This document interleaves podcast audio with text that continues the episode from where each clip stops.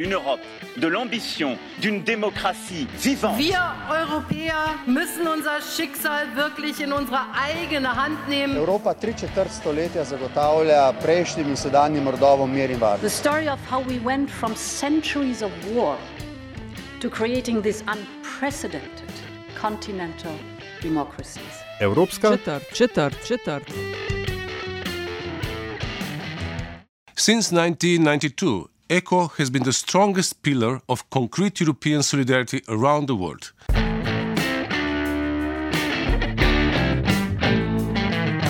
Spoštovane in cenjeni, dobrodošli v podkastu Evropska četrt, podkastu o vsem, kar vas bo zanimalo o Evropski uniji, pa niste vedeli, koga vprašati.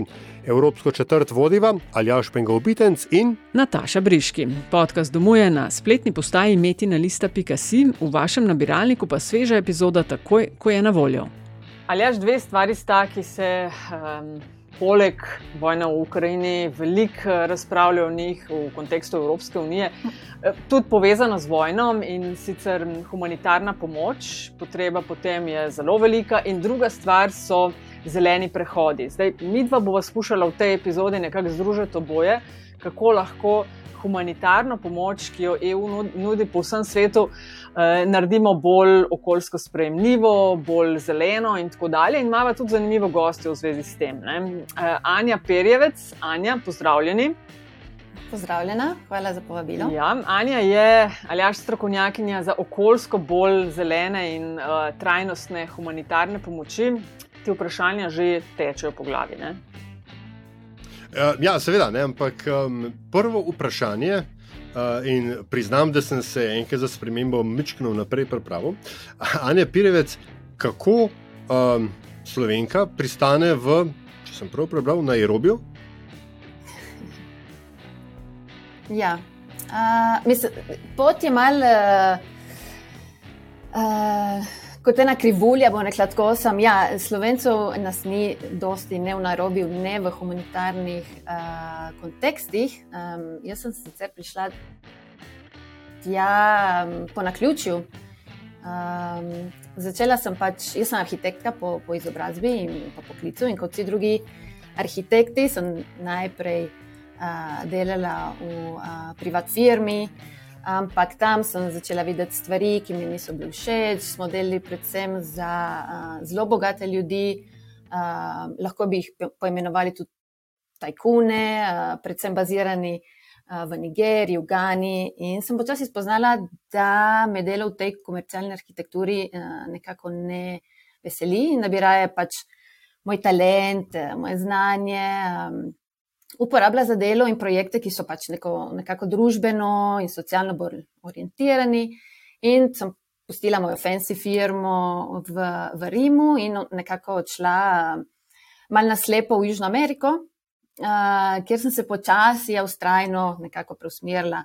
Um, v najprej urbani razvoj, rehabilitacijo neformalnih, eh, revnih sosedsk, vemo, da je tam tega ogromno, Uh, in od tam je bila ta nekako naravna tranzicija za me iti v nekako bolj humanitarne zadeve in v svet Združenih narodov, uh, kjer sem pač delala zadnjih pet let, prej, ko sem se uh, predluž, predložila Evropski komisiji, um, kjer pač tudi uh, delam zdaj.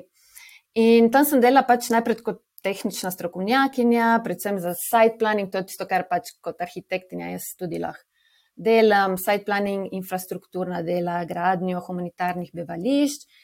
In uh, sem delala verjetno v enih 30 državah v tistih petih letih, s tem, da zadnje dve leti smo imeli COVID in ta COVID nam je mal, uh, vsaj meni, uh, olajšal tranzicijo v to um, zeleno področje humanitarnega dela, ker pač nisem več upala iti na moje misije, sem se začela ukvarjati s strategijami za ozelenjevanje naših tehničnih sektorjev v Agenciji Združenih narodov, takrat sem pač delala za Agencijo za, za begunce. In tam se je pač ta moja pot um, začela v teh uh, za okolju prijaznejših uh, humanitarnih pomočeh. In to je tudi, kar trenutno zdaj delam za DigiEco uh, v uh, Nairobiju. Um, ne vem, če hoče da tudi malo uh, opišem, kaj sploh DJ-ko je, Ja, ja, kar povejte. Ja, mal, da se... to, to mislim, da, jih, da, da če, če ne bi Nataša, bi pa jaz to vprašal na svet. Ja, kar povejte. Da, kaj je? Tako, ja. Ja. Aha. No, um, DigiEco je agencija uh, Evropske komisije, um, ki se ukvarja s civilno zaščito na evropskih tleh oziroma s humanitarno pomočjo, to je tudi ta tim, kjer jaz delujem, uh, izven uh, Evropske unije. Uh, mi smo pač trenutno donator, nismo neka agencija, ki bi implementirala projekte, kot so to uh, nevladna organizacija ali pa Agencija Združenih narodov. Uh, tako da mi v bistvu financiramo določene um, projekte, ki um, so potem implementirani v teh humanitarnih uh, um, kontekstih. Naši partnerji, uh, Združeni narodi, NGO, in druge lokalne organizacije se potem nekako aplicirajo na ta naš razpis, ki se bazira na specifičnih humanitarnih potrebah, v bistvu. Mm. na potrebah prebivalcev, ki so pod vplivom neke humanitarne katastrofe. In potem mi, jaz in drugi moji sodelavci, selekcioniramo določene projekte, ki bolj ali manj uh, sledijo tem našim uh, smernicam. Uh, in jaz se pač moram zagotoviti, da vsi te projekti, ki so uh, izbrani, um, pač implementirajo v svoj program tudi te uh, smernice za bolj um, trajnostni razvoj, za zmanjševanje negativnega vpliva, ki ga lahko naši projekti imajo na uh, okolje in prebivalstvo, kjer mi uh, interveniramo. To, to uh, sicer ne pomeni, da mi bomo zdaj reševali problem klimatskih sprememb. Uh, se pravi, humanitarni uh, delavci niso vzrok klimatskih sprememb, tudi nismo žal rešitev, rešitev mm. morajo uh, dobiti uh, vlade in tako naprej. Uh, mi, kar jaz moram zagotoviti, da naši projekti ne v bistvu uh, degradirajo okolja zaradi naše intervencije. Mm. Um, Trenutno se moje delo uh, fokusira predvsem na smernicah, uh, kako v različnih sektorjih uh, lahko zmanjšamo ta negativen vpliv, ki ga imajo naši projekti na, na ljudi in na, in, na, in na naravo. In seveda, um, mi delujemo recimo v treh kontekstih. En kontekst so uh, konteksti naravnih, posledice uh, naravnih nesreč, ki so povezane tudi s klimatskimi spremembami, z ekstremnimi uh, vremenskimi pojavi. Trenutno imamo ogromne suše, ki so posledica mm. klimatskih sprememb in povezano s tem um, pomankanje prehrane. Druge intervencije so v kontekstih konfliktov in vojn, ki pa niso nujno tako vidni in konvencionalni te konflikti, ne moramo samo misliti zdaj na Ukrajino. Ne? Uh, in tretja skupina so zelo kompleksne situacije, ki vključujejo migracije, uh, um, notranje civilne konflikte, kompleksne politične uh, razmere, kot lahko diktature, recimo imamo primer uh, Venezuele in tako naprej. Se pravi, bistvo je, po mojem, lepo udar, da sama revščina ni edina predpostavka za naše, za naše delo. To, to je zelo pomembno podar, ker imam občutek, da pač generalna populacija si predstavlja humanitarno delo kot nek odgovor na revščino, ampak to ne drži. Ni samo to. Ne? Mi, uh, in Ja, ni, ni to predpostavka. Predpostavke so humanitarne krize in mi odgovarjamo na specifične potrebe prebivalcev teh kriz. Ta kriza se lahko pač razvije v sami državi, kjer je kriza, oziroma v sosednjih državah, ki sprejemajo uh, begunce iz teh, iz teh področji. Da, um, ja, ja, sva... Revščina ni predpostavka za naše delo. Za, ja. Mhm. ja, mi dva smo to epizodo, uh, ki jo objavljava v okviru Dneva Zemlje, že kar nekaj časa načrtovali, tako da smo res hvaležni za vaš čas. Uh, vem, da ste zelo zasedeni. Dej, ena stvar, preden se globje zakopljemo v te. Eh, okoljsko eh, bolj trajnostne humanitarne pomoči, v okviru katerih delujete.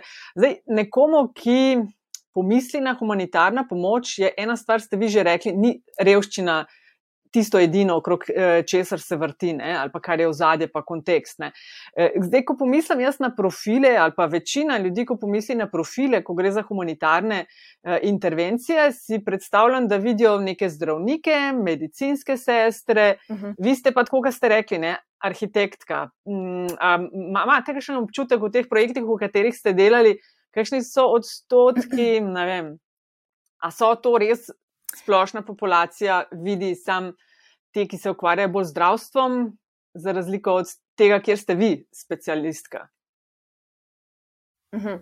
Ja, ta predstava uh, ne bi mogla biti le od resnice v bistvu, ker uh, namreč v humanitarnih organizacijah delamo zelo različni profili jaz sem, zdaj nimam točnih uh, procentov, ampak sem sigurna, da je arhitektov in inženirjev uh, več kot zdravstvenega osebja um, v humanitarnih uh, kontekstih, z razliko verjetno od zadnjih dveh let, uh, ko se je svet ubadal s pandemijo, je bilo ogromnega pač financiranja za, za, ta, za to rešitev, ampak načeloma eh, medicinske delavce oziroma zdravstvene delavce bi predvsem videli v nekih humanitarnih krizah povezanih s pandemijami, kot je bila ebola eh, in verjetno malarija, neke druge. Sam, ja, ni, ni to, ni to uh, bistvo humanitarne uh, pomoči. Recimo, verjetno to je tisto, kar krijejo mediji, mm ker, ker se vidi zelo, uh, je pač nek impakt, ko se to vidi na televiziji, uh, ampak ne, ne, ne, ne, ne predstavlja večino, ne predstavlja nekega pomembnega dela. Verjetno pa za določene nevladne organizacije, kot so zdravniki brez meja, ja, za njih to predstavlja večina kadra. Ampak za vse druge organizacije to uh, ne drži. Recimo, uh, humanitarne intervencije uh, obsegajo um, različne tehnične sektore, kot so, kot sem že povedala, infrastruktura, gradnja različnih naselij, bivališč, uh, vodni, um, energetski inženiring, zelo pomemben. Uh, imamo strokovnjake na področju prehrane in prehranskih dopolnil v uh, kontekstih suše. Uh, ali pa recimo v kontekstih, ko so hude uh, vojne, recimo vsi smo videli uh, slike, fotografije oziroma videe iz, iz uh, Jemna, uh, v kakšni situaciji živijo ljudje in to tam potem mi pošljemo uh, strokovnjake na področju um, uh, prehrane. Potem, seveda, imamo tudi zdravstveni sektor, uh, ampak je v isti, uh, recimo, procentualno je na istem nivoju kot vsi drugi uh, sektori. Imamo tudi strokovnjake v ekonomskih programih, ki pomagajo tem ljudem, ki so izseljeni, se spet postaviti na noge, recimo, in tako naprej. In zraven teh. Recimo bolj tehničnih sektorjev, pod katere spadam tudi jaz, imamo tudi tisti del našega kadra, ki jih imenujemo nekako generalci.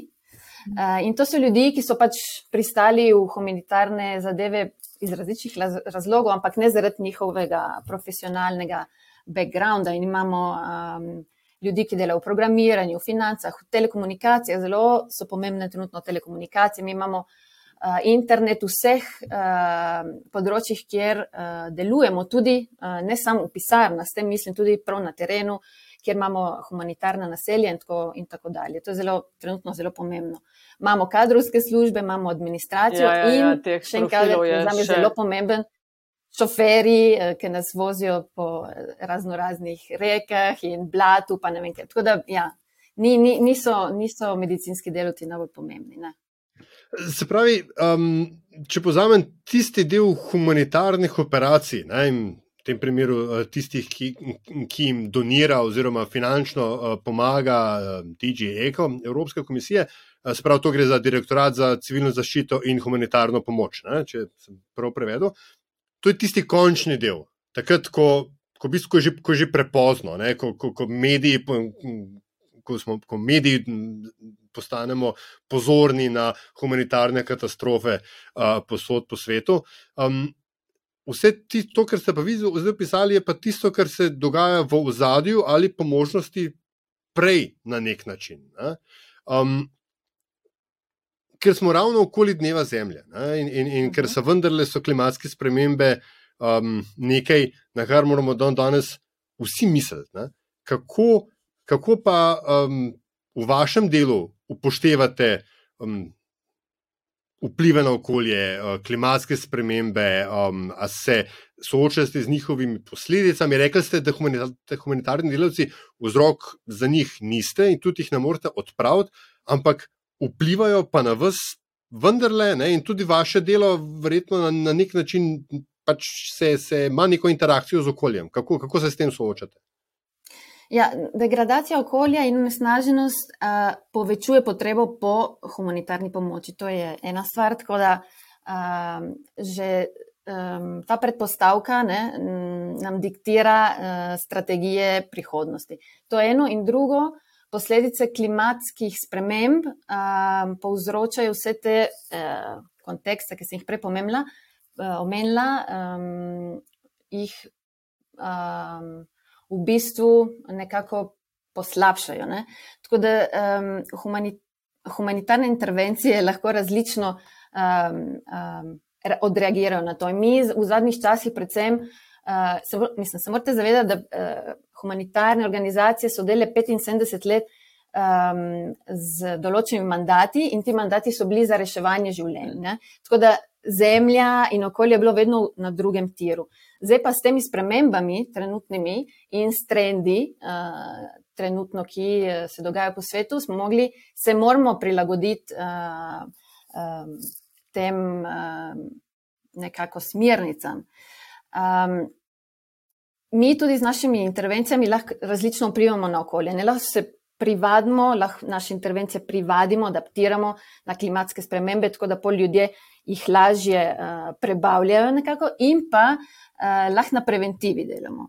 Zdaj, največji izzivi v naših kontekstih so, uh, bi jaz rekel, vsekakor uh, odstranjevanje gozdov, odstranjevanje dreves, izguba naravnega okolja, predvsem za ustanovitev humanitarnih naselij in z njimi povezani erozija, uničevanje prsti, povečana nevarnost plazov, poplav in vsega tega. Uh, naslednji veliki izziv v naših kontekstih je uh, vsekakor prekomerno izčrpavanje uh, vode, vodnih virov, potalnice za potrebe teh naselij in teh ljudi. Se morate zavedati, da vsa ta humanitarna naselja so največkrat ogromna, gostijo tudi do 100, 100 tisoč, 150 tisoč ljudi in so največkrat zgrajene v odročjih, uh, ki so nekako oddaljena od večjih infrastrukturnih uh, del. Tako da moramo mi pripeljati noter vso infrastrukturo in s tem um, v bistvu spremenimo zelo življenje in okolje ljudi, ki so tam preživeli. In to lahko tudi potem pripelje do določenih konfliktov med temi dvemi skupinami ljudi. Tudi zaradi tega mi moramo pas, kaj delamo s temi naravnimi viri in kako. Se pravi, velik problem nam predstavljajo uničevanje gozdu, predvsem za zidan, za gradnjo bivaliz, za kuhanje in to povleče s sabo ogromne posledice. Drugi dejavniki so recimo nepravilno um, uh, upravljanje smetmi uh, za vsa ta naselja, za različne druge humanitarne intervencije. Um, rab, mislim, proizvajamo kot humanitarni aktor ogromno količino odpada, ki se potem, um, ki potem ostane tam in to pač ni v redu. Se, ravno to, ne, ker ste že omenili um, te potencijalne konflikte uh, na, na, na lokacijah samih. Um, po eni strani se zdi ne, tisti stari mandat ne, za reševanje življenj, uh, ko ste rekli, na nek način meni, ne, lajku, celo bolj logičen, ker tam se vendar uh, v prizadetih območjih ljudje ukvarjajo z vprašanjem osnovne eksistence. Ne. Uh, kako potem, recimo, sploh uh, sprejemajo v kakšnih bolj konfliktnih situacijah prizadevanja za bolj ozave, okoljsko bolj ozaveščene humanitarne projekte?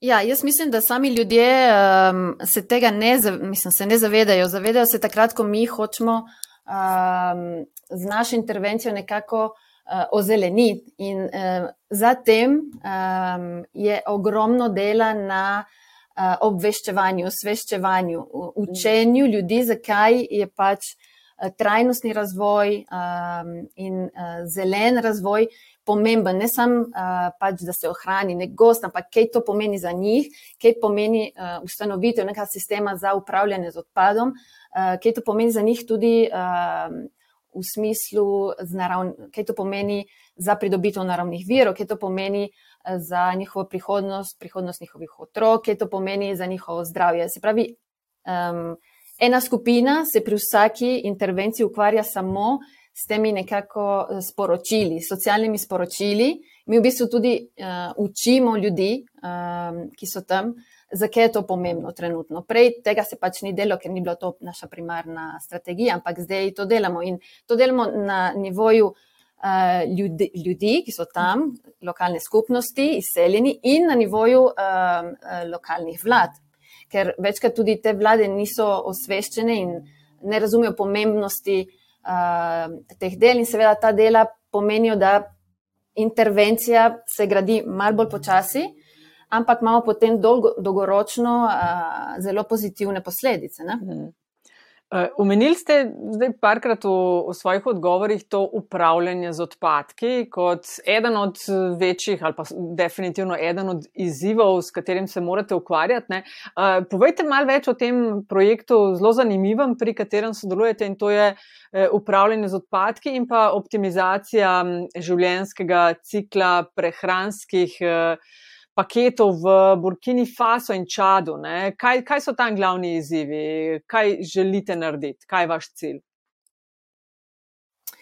Ja, to je v bistvu eden od naših uh, low cost, low technology uh, projektov, kar pomeni, da v bistvu da prijemo do neke um, trajnostne rešitve. Ni nujno, da mi uh, investiramo ogromne količine denarja, ogromne količine tehnologije.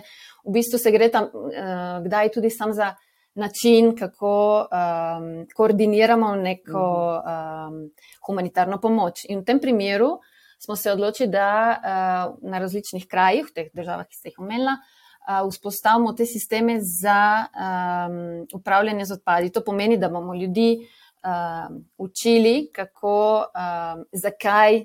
Uh, ti predmeti, ta odpad, ne smejo stati v naravi, zakaj je dobro, da se ga prenese nazaj. In bomo vzpostavili tudi določene sisteme, ekonomske, um, uh, kjer se bo ta odpad spremenil v nek drug v bistvu, predmet in bo predstavljal za njih tudi pač, um, ekonomsko rast. Neka ponovna uh, raba. To v bistvu spet, ne? na nek način.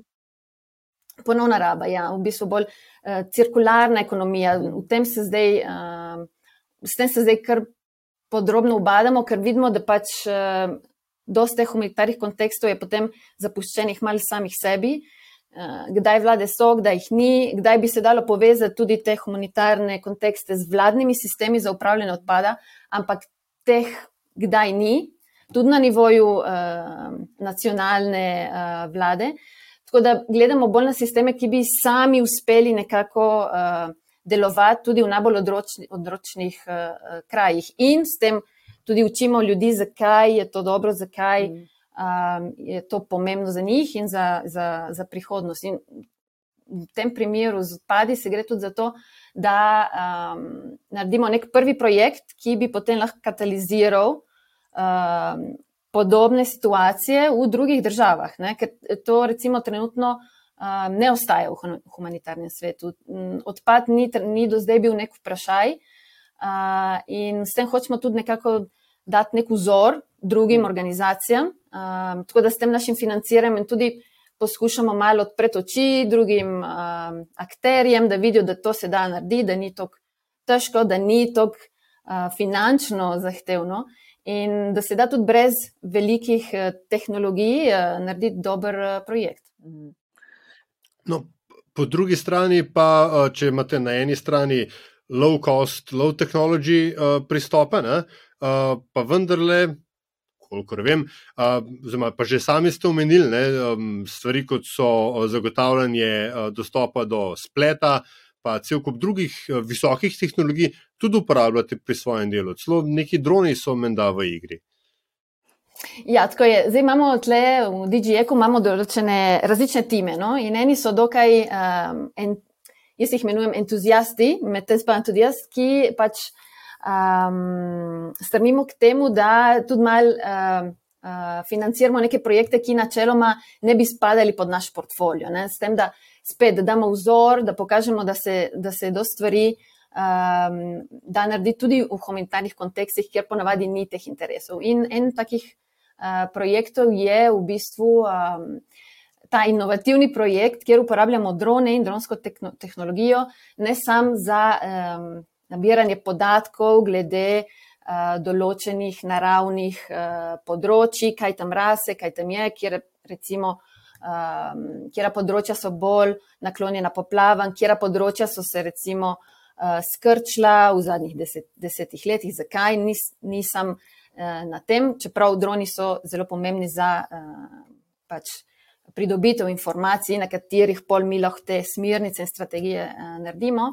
Um, zdaj, trenutno tudi um, poskušamo uporabljati dron uh, za ponovno um, nasaditev gozdov. Specifično v Južni Afriki imamo uh, ta projekt in bojo droni na področju nekih. Um, Logaritmov um, identificirali specifična področja, ki so bila uh, skrčena v zadnjih petih do desetih letih, uh, kaj tam rase, in pa bodo te informacije uh, sporočili strokovnjakom, in te strokovnjaki bodo pol te drone uporabili za v bistvu uh, razselje, razseljevanje teh uh, semen in ponovno uh, rast gozdov. To je seveda zdaj trenutno v uh, inovativni fazi. Uh, ne vemo, ali bomo uspešni ali ne, ampak um, je pač nekaj, kar uh, se nam zdi pomembno, sploh zato, ker um, z enim dronom lahko posadimo hektarje in hektarje gozdov, v primerjavi, če to delamo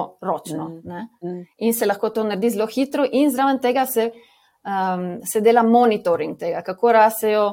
Uh, je bilo to uspešno, ne, mogoče bi mogli kaj drugega tam nasaditi, in tako mm. dalje. Ne, zelo zanimivi. Se pravi, informacije in, in, in podatki so tudi zelo pomembni. Uh, v našem, na našem področju. Ja, ne, zelo zanimivi projekti. Zdaj, eh, v opisu vaše titule piše, da ste globalna ekspertka in vem, da ste delali na različnih koncih sveta. Ne. Zdaj, trenutno ste v, um, stacionirani v Nairobiju, Kenija, mimo grede, kakšno vreme imate te dni? Ja, zelo zanimivo vprašanje. V bistvu zdaj bi mi mogli biti uh, kar v deževni, uh, deževni dobi, nekako, uh, ampak drža ni. In uh, tle že severna Kenija, Somalija, Etiopija se že leta borijo sušo in letos ni nič drugače. In imamo trenutno že pomankanje določenih živil zaradi tega, ker pač um, dežja ni. In uh, tudi s tem se posledično mi ukvarjamo, uh, tle z DG-eko, ker imamo odgovore predvsem za. za Um, prehransko pomoč uh, in agrikulturno pomoč tem ljudem, ki pač uh, ja, živijo v vedno večji eh, dezertifikaciji. V bistvu. no, zdaj, kot nadaljevanje tega me pa zanima, ali lahko, pač zdaj ste stacionirani, kjer ste, ali lahko primerjate kakšne projekte ali pa delovanje v drugih državah. Um, zdaj, seveda mi je jasno, da niso potrebe po pomoči povsod enake, različna okolja, različne težave in izzivi. Um, ampak tako, a se da, če vas nekdo vpraša, različni kontinenti, različne države, kaj je bilo skupno v teh projektih, kaj je drugače v državah, ne vem, kako ljudje mogoče drugače reagirajo na kakšne stvari. Ja, um, no, jaz sem sicer izkušnje predvsem uh, uh, v Srednji in Južni Ameriki in v Afriki. Recimo, drugi kontinenti zdaj šele začenjam, tako da se bom omejila na, na ta dva kontinenta.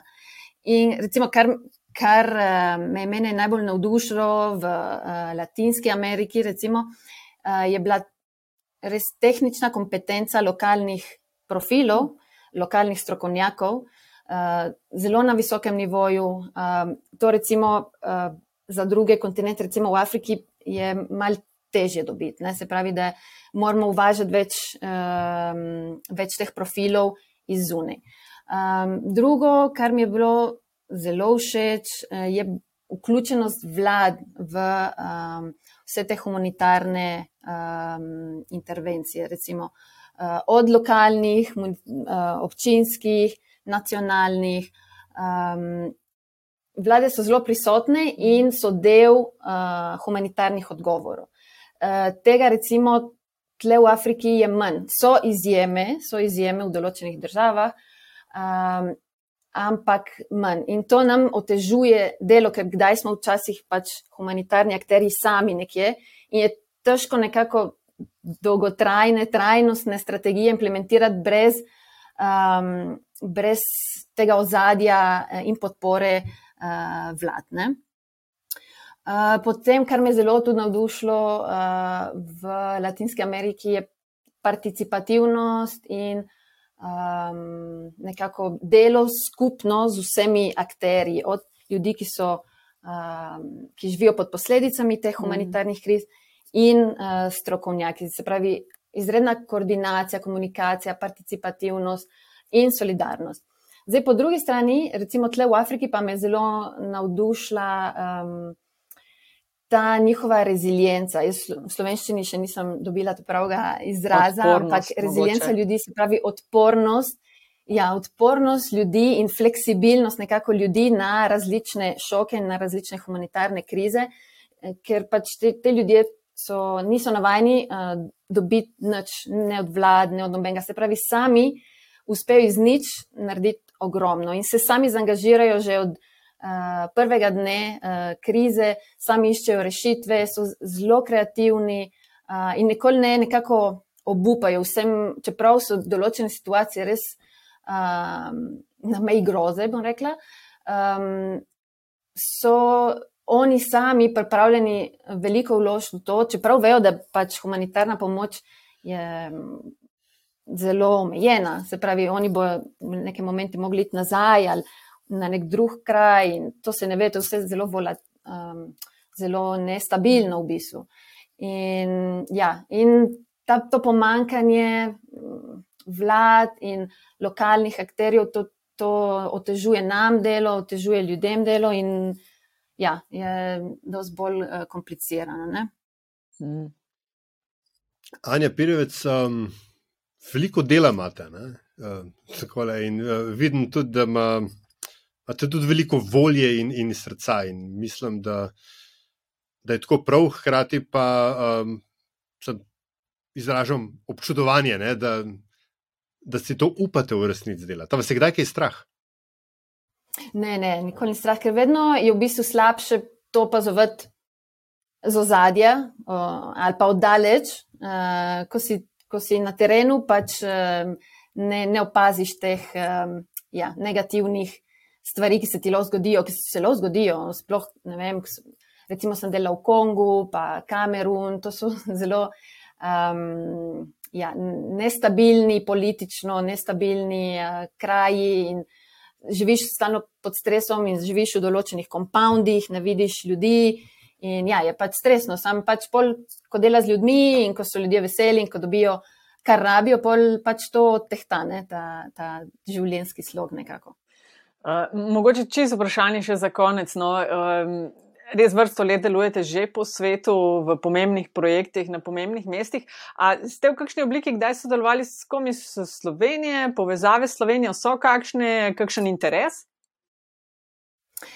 Uh, jaz bom rekel, ne, ni interesa. Sam ni to problem slovencev, to je problem pač našega izobraževalnega programa in sistema, ki ne pokaže teh opcij. Meni, recimo, če bi jaz sam sledila tistemu, kar so mi na mojem faksu, uh, govorili, bi pač delala z betonom in železom, ne, to je dejstvo. In sem se sama preusmerila zaradi moje, um, sem pač zelo, uh, me zanimajo stvari, grem ven in tako. Tako da ne vidim problem v slovencih, ampak predvsem v nekem zelo tes, tesnem in nefleksibilnem sistemu, ki ga imamo in ki ne pokažemo pač ljudi, kaj vse bi lahko delili z našimi poklici. Ne. Mhm. In drugo, ja, v bistvu sem spoznala eno slovenko v celi moji karieri na, na, na terenu. In, um, ja, in jih ni dosti, ampak jaz bi povabila vse, predvsem strokovnjake. Imamo primankljaj inženirjev, predvsem energetiki, vodi, um, da se pač nam pridružijo. In uh, bom jaz tudi imela pač malo več uh, kot patriotov, tle, ker sem v bistvu edina, ki, ki nima nobenega drugega, to je dejstvo. imamo, ja, ja, imamo veliko francozov, belgicov, italijanov. Eh, Slovencev pa ne. Sploh no, vzhodne Evrope bo rekla, da je zelo, zelo, zelo malo.